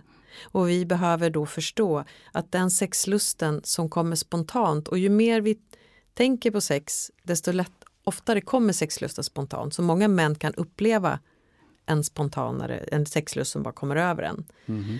Men, men eh, ju längre tiden går desto mer sällan dyker den här upp som en blixt från en klar himmel och jag blir stenkåt. Vi behöver istället lära oss att bjuda in sexlusten. Vi behöver se till att vi har tid och utrymme. Det gäller även män, särskilt män när de kommer upp lite mer i åren och en erektion inte kommer riktigt lika snabbt. Då behöver männen också en lite mer tid för att bjuda in, värma upp. Eh, Mm. ja, men så. Ehm, och, så att egentligen är ju det sexlivet som man har under förälskelsefasen det första året kanske. Det är inte representativt för det sexlivet man ska ha resten av relationen. Nej. Eh, så man har mycket gratis där och därför så brukar jag ofta säga om någon kommer till mig och säger vi vill ha det sexlivet vi hade när vi just hade träffats. Mm. Mm. Mm, det Sorry. kommer jag inte kunna hjälpa er med. Men jag kommer kunna hjälpa er att skapa ett sexliv som ni båda två är tillfredsställda med. Om ni Mm. kan tänka er att se på sex på ett annat sätt. Det vill säga planera lite mer för det, avsätta tid för det, lägga ner lite mer energi på det. Mm. För sex, sexlust är väldigt mycket som kondition. Mm. Om jag inte odlar det så kommer det själv, ja, Mm. det kommer själv dö. Mm. If you don't use it, you lose it. Mm. Mm. Så därav boka in det, planera det, Ja, precis som en Och, kunna, och, och faktiskt kunna typ på något sätt leva med att man, menar, att man bokar in någonting. Absolut, det är precis som att boka in träningspass. Så Ja. tänker jag så, men boka in sovmorgnar varje lördag Mm. för sex att kunna hända. Mm. Det finns inget som tvingar dig exakt. eller er att behöva ha sex. Men ni måste ändå ha förutsättningarna för att Mm. kunna ha sex om ni nu får lust. Mm. Men om man får, många säger ju till mig faktiskt att det är så konstigt för när jag kartlägger min sexlust så lägger jag märke till att det är ofta vid lunchtid, en veckodag, så kan jag s- titta och tänka på sex eller Mm. tänk, längta efter min Mm. partner. Men då är ju inte personen i närheten. Nej men då kan det både vara att jag tillåter mig tänka på det för att det kan ändå inte hända. Så då kan Mm. jag ju det, spåna, spåna vidare hur långt jag vill. Jag behöver ändå inte avsätta tid för det. Men det är i, i min kalender, eller så här, jag tänker ju på det när jag inte har tillgång till min partner. Eh, och distansen är en lusthöjare.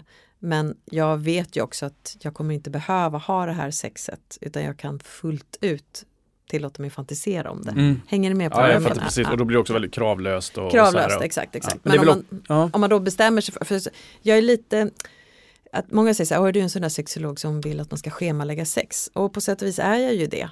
Men det är ju, jag vill att man ska avsätta tid för sex, det är det det handlar om. Ja. Precis som att avsätta tid för att kunna vara spontan. Mm. Eh, avsätta tid för semester, avsätta tid för att ha en kul middag med goda vänner. Det går att Mm. planera för Mm. att ha det bra. Ja, ja. Men om du inte planerar för att ha det bra så kommer det inte dimpa ner som en överraskning särskilt ofta Nej. om du lever i en längre relation. Och där väl också om man, för det kanske också är det här samspelet mellan två parter och den ena är kanske mer initiativtagande Mm. och den personens initiativ börjar att ta slut. Mm. Och så blir det ingenting för Nej. att den andra personen är så här, ja men det är alltid hon som ska trycka på knappen. Mm, mm. Jag väntar bara. Mm. Och när, när knappen trycks, då kör vi. Mm. Och så är det ingen jävel som trycker på knappen. Nej. Mm. Och det finns en hel del par som kommer till mig och säger så här, när vi väl har sex så är det bra sex vi har. Mm. Vi fattar bara inte varför vi inte har det. Nej. Och då behöver jag ju undervisa dem i att det handlar om att ni behöver förstå att sexualitet är någonting ni odlar. Det kommer inte dimpa ner i huvudet på er och överraska er längre utan Nej. ni måste avsätta tid och anstränga er för att komma igång. Mm. Och sen är det bara enjoy the ride. Mm. Mm. Men, så, och det blir för många så här, vad ska man behöva anstränga sig för att må bra? Mm. Tydligen. Jag har faktiskt en ganska rolig grej här. Mm. Vad kan det vara? Det var säkert tio år sedan som jag fick höra den här roliga historien. Men då var det en kompis till mig som hade småbarn då. Mm. Och då sa han att, eh, för jag, vi kom in på det och så, så bara, men hur är det nu att ha småbarn? Så hade ni någon sex, någonting liksom? Han bara, absolut. Bolibompa-knullet är det bästa. Mm. Och då var det när kidsen tittade på Bolibompa. Det. Mm. Så var det halvtimme liksom. Där. Nej, inte ens en halvtimme. Det Mm. var Ja. liksom tre till sex minuter. Ah, ah. Men det var bra. Mm. Och då var det som ett schemalagt att det var Bolibompa. Mm. Ja men det Det är verkligen eh, det är ett känt fenomen, bol- Bolibompa-sex faktiskt. Jaha. Det är ju synd nu när det inte finns någon sån standardtimme längre utan nu kan man ju se på barnprogram när Ja. Småbarnsföräldrar berövade Bolibompa-stunden. Nej men eh, det är ju eh, ett typiskt sätt att liksom Mm. Att, att om man har någon form av regelbundenhet i sitt sexliv så underlättar det väldigt mycket. Av flera skäl. Dels för att det sexet vi har blir mer kravlöst för vi vet att vi kommer ha sex snart igen. Mm. Men har man bara sex en gång i kvartalet då är det ju många Mm. som känner att då ska det fasen i mig vara bra också och då Mm. blir det plötsligt massor med krav dessutom. Exakt. Men har man det liksom åtminstone, eh, åtminstone men de, de flesta verkar ha sex från två gånger i månaden upp till någon dryg gång i veckan. Mm. Eh, mer än så rapporterar man inte, alltså, så relationer mår bättre ju oftare de har sex upp till en gång i veckan. Men att ha sex mer än en gång i veckan gör inte relationer lyckligare. Hänger ni med? Ja, Mm. Det behöver inte Mm. betyda att de mår sämre men det adderar inte Mer. välmående i relationen mer. Nej. Ehm, så att, men, men upp till en gång i veckan, då håller man någonting i rullning. Man Mm. tankar hos varandra och man eh, sänker kraven på hur sexet som man har behöver bli och man får in en rutin vilket gör att man... Så det kan ju låta tråkigt men det är ju helt underbart att löpträna när man har fått upp ångan Mm. eh, Mm. och konditionen. Absolut. Kroppen kan ju längta ut i spåret faktiskt. Och Mm, samma absolut. sak med sex. Men väldigt mycket bygger ju på att det sexet man har också är skönt. Att Mm. man inte har ställa upp sex eller vad jag kallar för husfridssex. Nej. Bara exakt. för att riva av det och få det gjort. Då kommer ju varje gång du har sex för att få det gjort att göra att du är mindre sugen nästa gång och ännu mindre sugen nästa gång. Mm. Så att det är viktigt att liksom Mm. Innehållet Ja. ska vara bra. Och vad, vad, vad kan vara vanliga liksom sätt att lösa upp knuten på där? För jag tror att det där är supervanligt. Att till exempel då mannen vill ha pusha pusha så tränger han in henne mer och mer och så till slut, hon, hon kanske är jätteattraherad av honom Mm. egentligen. Mm, mm, Men det blir, nej men nej, Mm. det blir pushad i det. mm. Vad, vad, vad kan vara, Ja, och det är, jag möter ju många som har precis det omvända. Att Det är kanske kvinnan som ställer krav på att ha mycket sex Mm. där mannen inte liksom, han, väldigt många män ställer upp på sex och genomför sex utan att få ut så mycket själva. Men Mm. de kan för att de kan få igång en erektion och använda sig av det. Mm. Men de levererar sex mer än upplever sex. Ja. Och på samma sätt så funkar kvinnor. Ja. Det är också många fler män som fejkar orgasmer än vad man kan tro faktiskt. Mhm. Det tycker jag är intressant. För varför, intressant. varför fejkar man till exempel en orgasm? Vad tror ni är den vanligaste förklaringen? till För att man inte vill vara där då? Eller man vill bara få ett avslut? på Ja, det. för att du, exakt. det Precis. måste det vara. Det här är, det, Hos kvinnor är det som ett, ett sätt att markera nu slutar vi. Exakt. Men det är också väldigt mycket för att, för att, in, för att inte få mannen att känna sig misslyckad. Ja. Mm. Så det är mycket att hantera mannens självkänsla. Mm, Du är en ja. duktig älskare. Liksom. Ah. Nu blev det hole in one igen eller vad man säger. Ja, ja, exakt. Och det Ja, maskulina och ja. det feminina. Samtidigt som det gör ju också att, eh, att man binder ris runt sin egen rygg då som kvinna. För att det gör ju att de män man har varit med som man har fejkat orgasm med lär sig inte att vara lyhörda och inkännande Nej. och förstå. Kvinnor funkar olika. En, väldigt fin fråga är ju att fråga sin partner oavsett om man är kvinna eller man. Om man är sugen på sex, vad skulle kunna få dig intresserad av sex? Vad skulle göra att du Mm. skulle hamna i stämning idag? mm. Och då kan det ju vara, jag behöver jogga, jag vill bada eller kan du massera mig? Mm. Eller äh, vi lägger oss på sängen och ser vad som händer. Mm. Men om man bara eh, pushar, som du Tommy var Mm. inne på, hela tiden. Då är det, för många beskriver att den pushande partnern det är som att ha en myggsvärm i ansiktet hela tiden. Mm. Mm. Och har jag en myggsvärm i ansiktet då blir min instinkt att värja mig. Mm. Och om jag håller på att värja mig från massor med myggor då lägger inte jag märke till om jag har lust. Ja, det är fight or flight direkt. Ja men det blir liksom verkligen ingen kontakt med mitt inre. Nej. Nej. Så att eh, det behövs ju verkligen att den som är, är för på backar. Ja. Mm. Men det behövs också då att den som inte är så på steppar fram. Alltså tar reda på, Mm. okej men jag kanske behöver det här eller det här eller det här för att komma i stämning. Mm. Låt mig undersöka saken eller hjälp mig, vi ser vad vi kan göra. Alltså visa något intresse av att mötas. Mm. Mm. Men det finns också en intressant dynamik som kan uppstå i, i par där en vill mer och en vill mindre. Och det är om den som pockar och tjatar sig till, försöker tjata sig till sex på olika sätt. Och man kan ju tjata genom att vara tyst men eh, börja sura Mm, till exempel. mm. Eh, Slänga ja, fjärrkontrollen i bordet. Ja men överhuvudtaget bara bli mer retlig. Och så, då kan den andra parten bli så här, åh gud, han eller hon blir helt odräglig när vi inte haft sex tillräckligt ofta. Eller så. Och då kanske den har sagt nej i tio dagar, säger vi. Mm. Och så känner man bara, äh, jag orkar inte med den här surheten längre, jag ställer väl upp då. Och så ger man lite husfridssex. Och husfridssex är ju det sexet som man gör för att bli av med någonting värre. Man har inte sex för att det är skönt, Nej. utan man har sex för att bli av med tjatet Ja. helt enkelt. Ja. Så husfridssex är liksom en ganska negativ spiralstart. Mm. Verkligen. Men om den personen sen då väntar 14 dagar till nästa gång Mm. och sen väntar kanske 6 dagar och sen 21 dagar och sen 14 dagar då kommer personen som vill ha sex inte förstå varför blir det sex när det blir sex? Det finns ingen mönster, det finns ingen regelbundenhet och det kommer göra att det kallas för intermittent förstärkning. Mm. Den personen som vill ha mycket sex kommer börja bevaka och vilja vara nära och se till att finnas där om det nu plötsligt skulle bli utdelning. Ah. Förstår ni vad jag Ja, menar? Ja. Så båda två i en sån relation har bidragit till, Att det blir till så. att det blir Ja, så. ja. Precis. Så, att, Ja. så att den som vill ha sex minst, man behöver ändå utforska möjligheten till att att ha någon slags regelbundenhet så att man slipper upptagenheten med att bevaka. Mm. Förstår ni vad jag Mm. menar? Ja. Och det, är- det är en ganska klurig mekanism att få syn på men därför kan att avsätta tid för sex att kunna hända regelbundet kan avlasta det. För då vet den personen som vill ha mycket sex att, att eh, jag kommer inte vara osäker i ett kvartal nu utan det kommer sannolikt bli inom två veckor för vi brukar nästan alltid ha sex inom två veckor eller, eller en Mm, vecka eller vad det kan vara.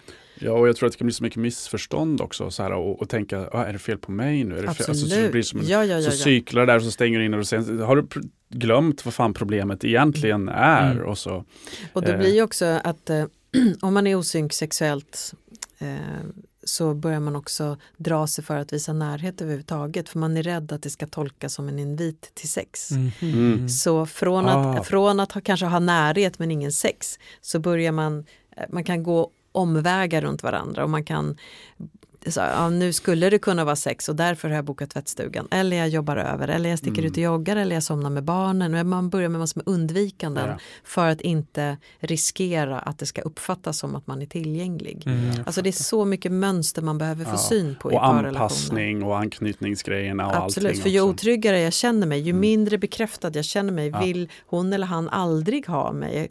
Har den börjat sluta älska mig nu, då triggas anknytningsstrategierna. Mm. och då kan det bli mycket mer, då kan accelerera väldigt fort. Ja. Mm. Du, eh, tänk på ett djur.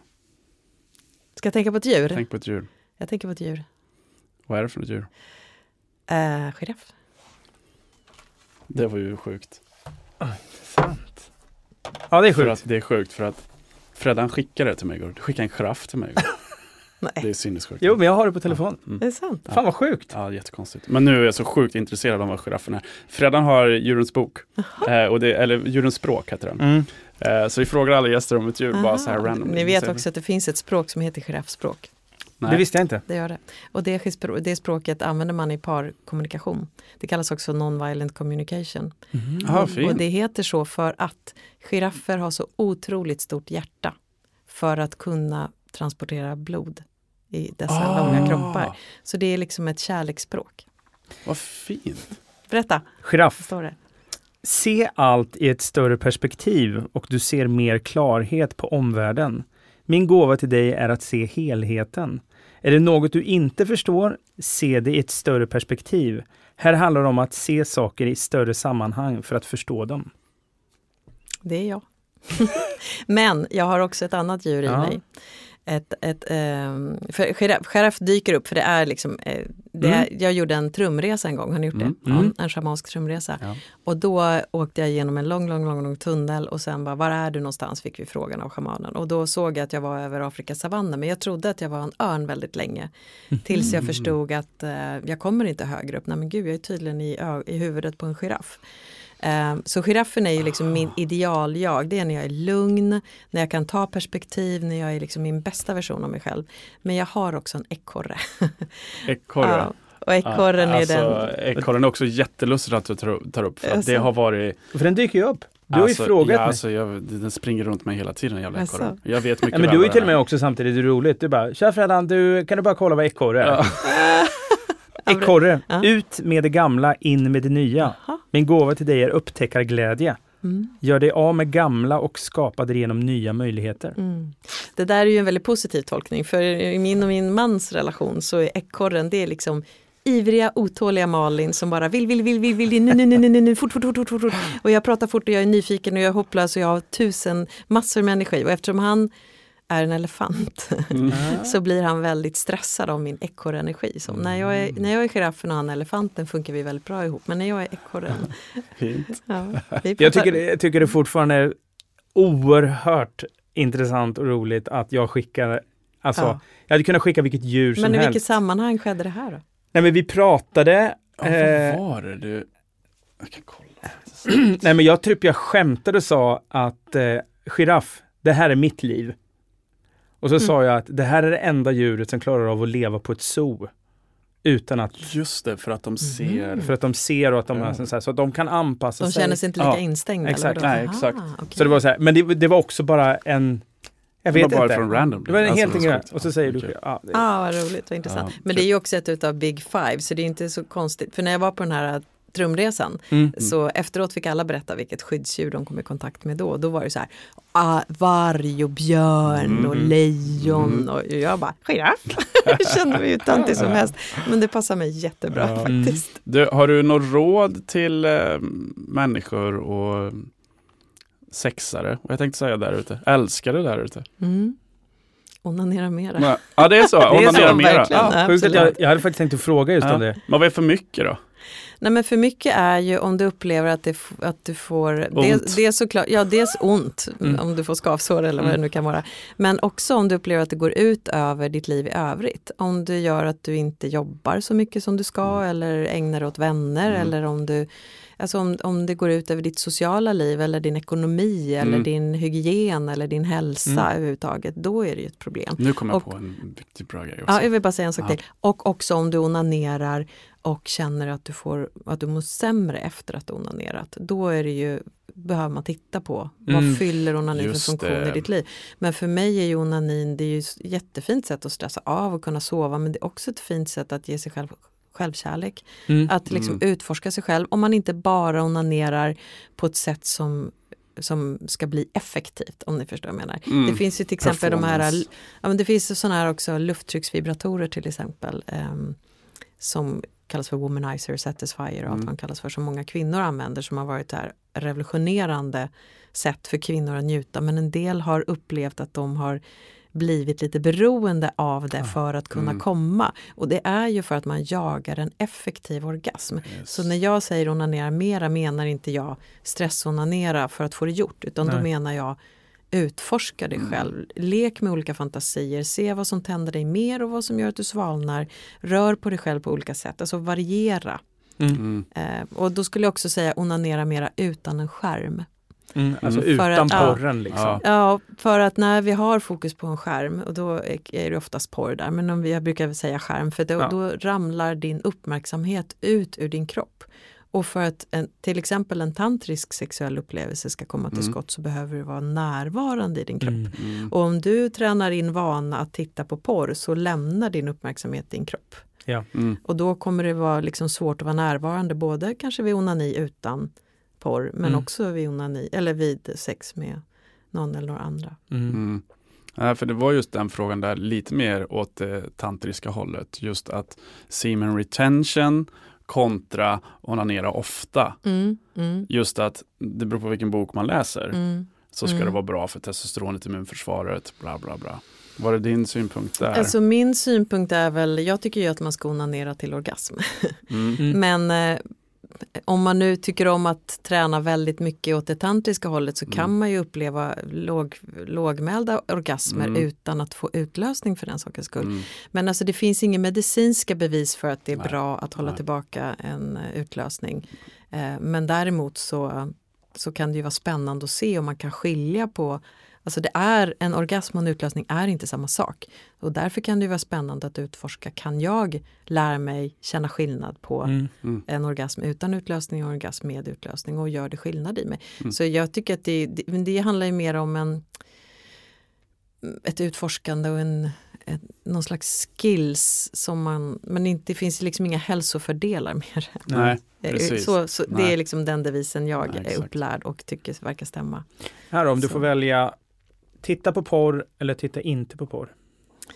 Eh, titta inte på porr. Nej. Mm, och det finns ingen moraliskt fördömande i det även om det finns mängder med saker i den branschen. Jag tycker det är extremt problematiskt. Jag är ingen porrförespråkare men människor går igång på porr och det är inget konstigt och det är också det som porren använder sig av. Mm.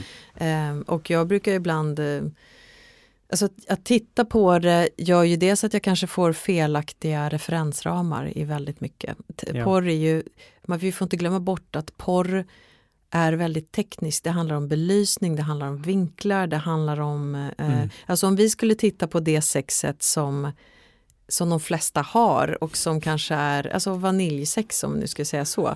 Som också kanske är ömsint och pågår länge. Det skulle ju vara som att titta på älgvandringen i Norrland. Mm, Liksom. Det, är så, Ja. ja. men det är så ointressant att titta på det Ja. på skärm. Så Där därför behöver ju det... Exakt. Ja, Och nu böljade lillfingret till där. Och Det knastrar grenen. Exakt. exakt. Men vad gör han? Han stannar upp. Så det sexet som de flesta människor mår väldigt bra av är helt ointressant att titta Ja. på, på på en skärm. Så därför så, så jag, jag tycker så här, eh, när vi levde i mycket närmare djuren förr i tiden, på gårdar eller Mm. då såg man djur ha sex. Och det ger inspiration och intryck på människor. Det är inte så att man går igång på djursex, men Nej. att se två hästar sätta på varandra. Mm. Jag passerar få människor obemärkt. Och Mm. alla sådana impulser har försvunnit ur våra liv nu när vi lever. Mm. liksom, eh, långt bort ifrån Mm. djuren. Ja. Så vi får ju väldigt lite utifrån inspiration. Vi levde också väldigt trångbott. Ofta kunde man höra Mm. andra personer ha sex. Vi kunde till och med sova i samma säng som våra föräldrar som hade sex. Så sex var en mycket naturligare ingrediens och Mm. också en, kunde också bidra till inspiration. Men nu har vi mycket mer stängda arenor och sådär. Så det Mm. blir ju, Mm.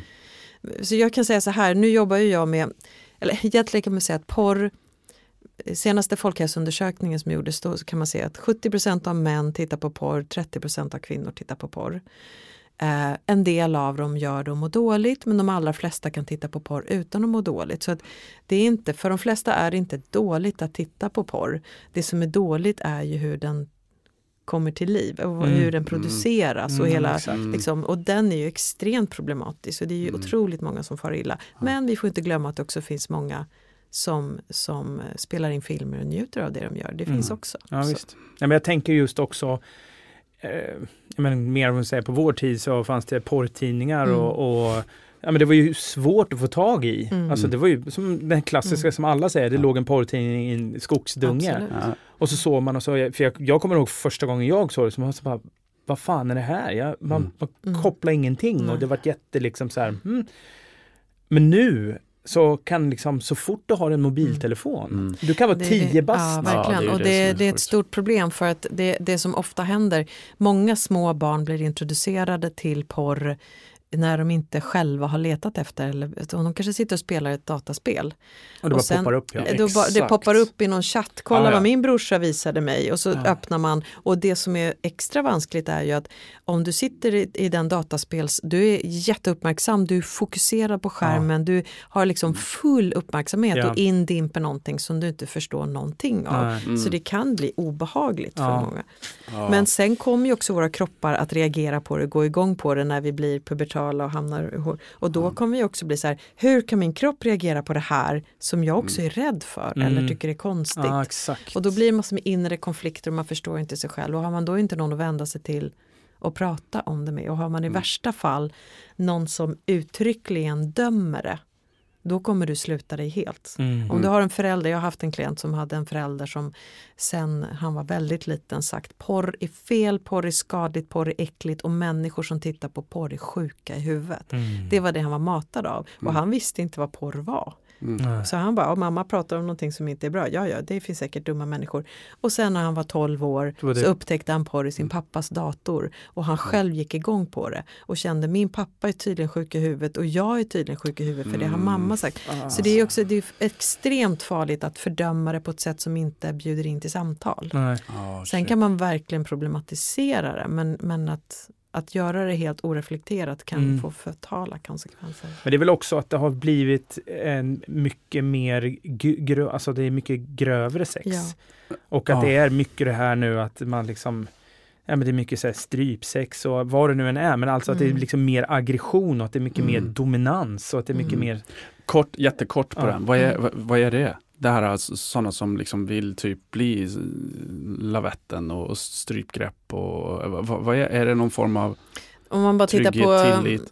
Nej, alltså, jättekort? om man tittar på stry, ja, strypsex är någonting som har praktiserats i tusentals år. Det, det, och det är, har att göra med, jag tror att det är kvävemonoxid, alltså det sker Mm. verkligen en kemisk reaktion när vi får Ja. an, Exakt. Ja, så det, det är ju någonting, men det är också förenat med livsval och det är någonting som verkligen behöver göras på ett speciellt sätt Mm. som en nybörjare absolut inte kan. Och kort sett vill jag säga, så du frågar mig förut, har jag något råd eller tips? Mm. Och då vill jag säga så här, gå långsamt fram, särskilt om du är nybörjare inom sex. Bör, ta inte för dig av allting på en gång, särskilt inte om, nyf- om du är nyförälskad, för du kommer kanske ångra att du gick så fort fram. Mm. Eh, Så gå varsamt fram, testa inte allting på en gång bara för att det går att göra det. Utan, Mm. Och sen, och det vill jag också ge till, till ehm, ja, men det rådet att låt sex få ta tid så att ni hinner lägga märke till det går för fort. Jag Mm. vill inte nu. För att ibland hinner man göra saker så fort För man hinner inte känna efter och Nej. efteråt så känner man vad fasen har jag Just gått det. med på? Mm. Varför gjorde jag det här? Så kan man bli äcklad av sig själv, man kan bli Mm, äcklad av sin just det, partner just- och det är svårt att tvätta bort känslor av äckel kopplat Ja. till sex. Yes. det. Och därför behöver man utforska varandra och sig Ja. själv varsamt. Fint, kommunicera det och prata om det. Och, mm. Det känns verkligen som att Freddan, du och jag, vi, vi håller på med de här du vet, barnpusslen, de här fyra kvadranterna man skulle fyra in, föra Mm. in i en, Exakt. i en annan kvadrant. Eh, Och här lägger hon ett tusen bitars pussel. Exakt, ett blått hav lägger du. Du lägger det pusslet och vi har fyra bitar. Vi ska försöka föra in i den här, just det, där passar det.